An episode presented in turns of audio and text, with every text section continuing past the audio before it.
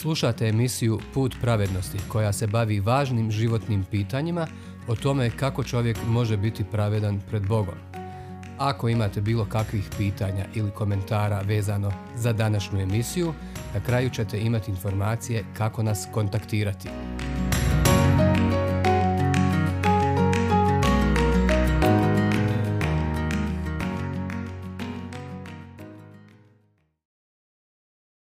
Šta vi mislite o Isusu Kristu? Prvi dio. Prije poprilično vremena otpočeli smo ovo naše putovanje putem pravednosti, istražujući sveta pisma proroka koja poručuju jedno i najvažnije. Kako da se grešnici opravdaju pred Bogom. Vidjeli smo da je Isus Mesija ispunio sve njihove proročke najave. Danas i u narednoj emisiji činimo osvrt na slavu onoga o kome su proroci pisali. Zato smo te posljednje dvije emisije ovog našeg kronološkog proučavanja posvetili pitanju svih pitanja. Šta vi mislite o Isusu Kristu? Dok smo sagledavali Inđil, to jest Evanđelje, čuli smo kako Isus pita učenike. A vi? Što vi kažete, tko sam ja? Matevo Evanđelje, 16. glava, 15. stih. Najvažnije pitanje svih ljudi ikada na koje bi svako od nas osob trebalo da odgovori. A od toga zavisi naša vječna sudbina. Prije ili kasnije svi ćemo stati pred Isusa Mesiju i sve će se svesti na jedno njegovo pitanje. Ko sam ti ja bio u životu? Naš je cilj da objavimo istinu o tome ko je on, ko je Isus. Najveća briga nam je da ne budete zavedeni oko toga. I zato vas molimo da ga ne posmatrate samo kao jednog od proroka ili kao dobrog čovjeka. Ne, jer je poseban i niko nikada i nigdje na svijetu mu nije bio ravan. Dakle, šta vi mislite o njemu? Ko je Isus za vas? Barem je deset pitanja koja bismo vam željeli postaviti o njemu, o Isusu Mesiji. Prvo, šta mislite o njegovom čudesnom rođenju? Niko se nije rodio kao on. Sin je Marin, tako su ga zvali, baš kao što su Ivana zvali sinom Zaharijinim, Solomona sinom Davidovim i sinom Abrahamovim. Svako je nosio ime svog oca pored svoga, ali Isus je nosio ime majke. Zašto? Zato što mu otac nije zemljanin, nije muškarac, rodila ga je djevica koja je začela silom Božjom. Oko sedam vijekova prije nego se rodio, prorok Izaija je ovo predvidio, kada je zapisao Evo, začet će djevica i roditi sina i nadjenut će mu ime Emanuel. Knjiga proroka Izaije, sedma glava, 14. stih. A evanđelista je to protumačio kao Bog sa nama. Matejevo evanđelje, prva glava, 23. stih. Naš je stvoritelj iz prašine stvorio našeg praoca Adama. Svi smo njegovi potomci. I proroci su njegova djeca. Svi smo od zemlje, zemljani, a jedino je gospod nebeski. Svi smo grešnici jer smo zaraženi grijehom, samo je Isus bezgrešan jer kao kiša dolazi s neba. Čist je i svet kao što je Bog čist i svet. Zato Inđil objavljuje. Vjerodostojna je riječ i vrijedna da se posve prihvati. Isus Krist dođe na svijet spasiti grešnike, od kojih sam prvi ja. Prva poslanica Timoteju, prva glava, 15. stih. A prije nego što je došao, boravio je od vječnosti u nebu, s Bogom, jer je riječ i duša Božija. Svojevoljno je odlučio utjeloviti se kao čovjek kako bi nas spasio od grijeha. Došao je s neba na zemlju. Elem, jedna priča kazuje kako su dvojica upala u bunar. Jedan reče drugome. Hej, spasavaj me iz ove propasti, vadi me iz gliba. Kako to da uradim? I ja sam sam se zaglibio, baš kao i ti. I u tom času otrežnjućeg očaja začuše glas svrha, kako im govori da prihvate konopac. Uskoro su bili na sigurnom. Da, samo neko ko je iznad njih, van nevolje, samo neko takav je mogao pomoći im i spasiti ih. I najbolji proroci ne mogu nas spasiti od gliba grijeha. Zašto? Pa i sami su grešnici, ali Isus može, jer premda u potpunosti čovjek nije nosio grešnu prirodu, došao je od ozgo, s neba, djevica ga je rodila. Govorili smo o tome, kako je Bog poslao anđele kako je sjajna zvijezda najavila rođenje svetog Mesije, spasitelja svijeta. Sve je bilo neopisivo čudesno. Zato kažemo da se niko nikada nije rodio ovako. Isusovo rođenje je jedinstveno i neuporedivo. Ali tek je bilo početak sve njegove čudesnosti i njegov karakter je bio neprikosnoven. Zato je naše drugo pitanje. Šta mislite o njegovom karakteru? Isus je bio savršen, nikada nije počinio ni jedan grijeh, nikada nije morao tražiti oproštaj jer nikada i nije uradio nešto pogrešno. A mi, kao grešnici, kao iskreno bogobojazni, moramo se pokajati i vapiti da nam se oprosti. I proroci su to morali. Dakle, vi i ja možemo istraživati sveto pismo od korica do korica, ali nećemo naći ni slovo po kome gospod Isus traži oproštenje. Nije to morao, jer nikada nije ni zgriješio. I prijatelji i neprijatelji su bili složni u toj ocjeni. U njemu nije bilo nikakvog zla. Prijatelji, niko ne može reći tako nešto za bilo kog drugog čovjeka. Ali gospod Isus je više od proroka. On je sama Božja riječ koja se utjelovila, postala čovjek neponovljivog karaktera. Neuporediv je, jedinstven, ali ni to nije sve. I riječi su mu bile unikatne. Šta mislite o njegovim divnim riječima? Jednog dana su Isusovi dušmani poslali vojnike da ga uhvate, ali poslije nekog vremena su se vratili neobavljenog posla. Zašto? Nikada nitko nije ovako govorio. Ivanovo evanđelje, sedma glava, 46. stih. Zamislimo se nad onim što je sam o sebi govorio. Ja sam svjetlo svijeta, tko ide za mnom neće hoditi u tami, nego će imati svjetlost života. Ivanovo evanđelje, osma glava, 12. stih. Proroci su kao zvijezde i mjesec, koji nam tek bledunjavo svijetle u noći. A Isus je poput sunca. Kome je još potrebna svjetlost zvijezda i mjeseca kada jednom sunce grane? Zato proroci ispovijedaju da je Mesija sunce pravednosti. Knjiga proroka Malahije, četvrta glava, drugi stih.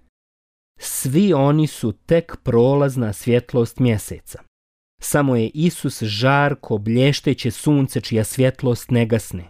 Isusovo svjetlo nikada ne zalazi. Obasjava uvijek i svuda, baš svakog čovjeka svih naroda.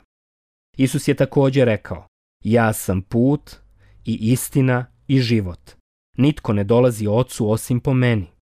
Ivanovo evanđelje, 14. glava, 6. stih. I u ovome je toliko drugačiji od svih vjerskih vođa koji nešto zapovijedaju, savjetuju, upućuju, govore, uradite ovo i ovo, slijedite ta i ta pravila, rituale i slično.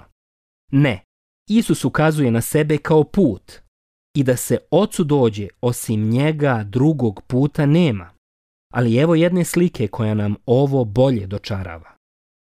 Mali dječak se izgubio u velikom gradu. Sreo je policajca i zamolio ga je da ga uputi u njegov kraj. Evo ovako, pređi ovaj trg, pa prije mosta na bulevar lijevo. Pređi tri ćoška i onda desno pored viječnice, a iza nje ti je raskrsnica. Dječak se rasplakao slušajući ga. Iako je policajac znao put, to je bilo preteško za dijete, onako nejako i uplašeno. Pošto je tu bilo još nekih prolaznika, jedan od njih se javio, jer je bio baš iz dječakovog kraja. Komšija. Uzeo je mališana za ruku i krenuli su. Ali dijete bijaše već umorno od svega, pa ga je čovjek uzeo u naručje i doslovno donio do kućnog praga. Dakle, Policajac je znao put, ali ovaj ljubazni komšija je doslovno bio dječakov put povratka kući. Isus je baš takav. Ja sam put i istina i život. Nitko ne dolazi ocu osim po meni. Ivanovo evanđelje, 14. glava, 6. stih. Niko nikada nije ovako govorio. Zato je sve neuporedivo što je govorio. Tek njegova slava se ovim ne završava, na njegovom rođenju, karakteru i riječima. Tu su i njegova dijela. Zato je sljedeće pitanje za svakog od vas, dragi slušaoci. Šta mislite o njegovim silnim dijelima? Sve Svesilan je i ima sav autoritet ikada i igdje. Šta god da je Bog u njemu i po njemu uradio dok je bio ovdje na zemlji, bilo je da svima pokaže ko je i odakle je došao. Ko može zaustaviti vjetar i oluju osim onoga koji ih je stvorio? Ko može da iz mrtvih vrati u život? Samo Isus. Ko može otvoriti oči slijepome? Jedino Isus. Ko liječi svaku bolest i nemoć? Ko kaže riječ i zli duhovi bježe? Isus je taj promijenio je na ovaj način živote mnogih i spasio ih je od grijeha. Neki proroci su imali Bogom dane moći za neka čudesna dijela i znakove, ali samo Isus je imao tu silu sam od sebe. Samo on je mogao na noge podignuti šlogiranog čovjeka, pogledati mu u oči i reći Ali da znate, vlastan je sin čovječiji na zemlji otpuštati grijehe. I reče uzetomu, tebi zapovijedam, ustani, Uzmi nosiljku i idi kući. Lukino evanđelje, peta glava, 24. stih. Da, čovjek je uradio tako, kličući i skačući. Isus nije mag, nije travar. Ima silu riječi, božanski autoritet iscijeljivati bolesne. Njegov prijatelj Lazar je umro i sahranili su ga. Isus je kasnio i tek nakon četiri dana se pojavio u njegovom domu. Sestre pokojnika su ga odvele na grob gdje je pozvao Lazara po imenu. Lazare, izlazi! Ivanovo evanđelje, 11. glava, 43. stih. I mrtvac je izašao jer je Isus imao autoritet da vraća u život i smrti. Zato je i mogao jedini reći da je uskrsnuće i život. Ivanovo evanđelje, 11. glava, 25. stih. Uskoro dolazi dan kada će svi koji su u grobovima začuti njegov glas, ali on ti već sada, tu gdje jesi, može darovati vječni život i autoritet da dovijeka živiš s njim u raju. Jedino je potrebno vjerovati u njega kao spasitelja i gospoda. On i danas mijenja živote mnogih širom svijeta. I tebe može promijeniti. Dakle, šta misliš o njemu? šta misliš o njegovim dijelima. Jedinstvena su, jer je svemogući. Nikomu nije ravan. Odgovorimo na još jedno važno pitanje. Šta mislite o njegovim slavnim imenima i titulama? Vidjeli smo u spisima proroka da Isus nosi stotine imena i titula. Po njima ga saznajemo više i bolje. On je Emanuel, riječ, sin čovječiji, jagnje Božije, otkupitelj, spasitelj, hljeb života, dobri pastir, svjetlo svijeta, kralj slave, uskrsnuće i život, alfa i omega, prvi i posljednji, početak i kraj, vrata, put, istina, gospod mira i sin Božiji. Vidjeli smo da i prorok je nazvan Božijim čovjekom – Prorok Abraham je nazvan prijateljem Božijim, ali samo je jedan nazvan sinom Božijim. Recite i sami, ko ima bliži odnos sa nekim?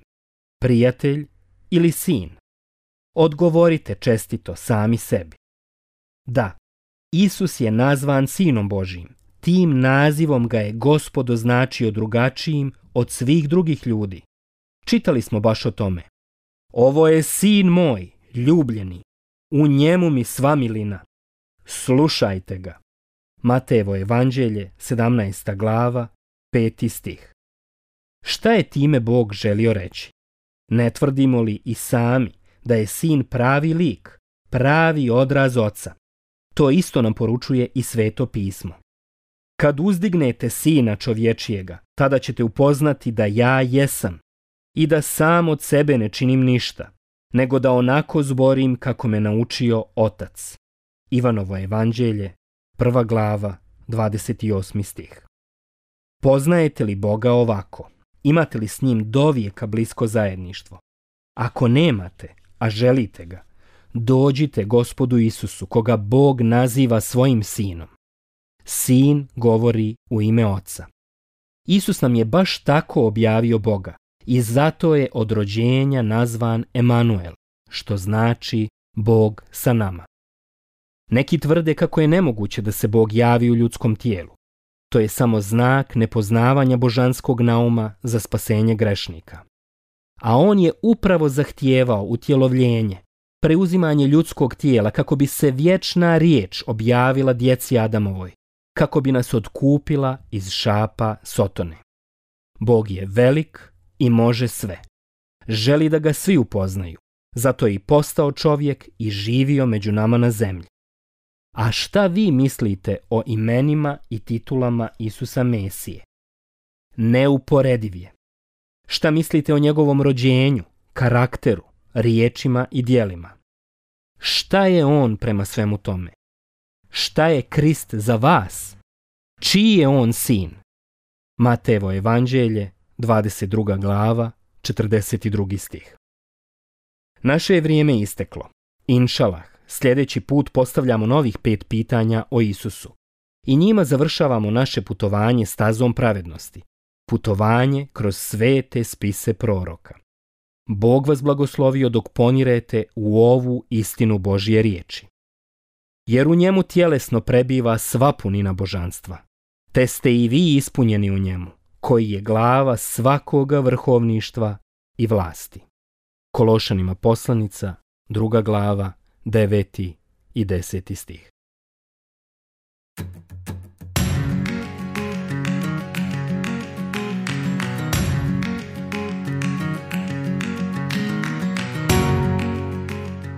Hvala vam što ste slušali današnju emisiju. Kontaktirajte nas putem našeg e-maila putpravednosti.bih.gmail.com ili putem naše Facebook stranice Put pravednosti. Do sljedećeg slušanja.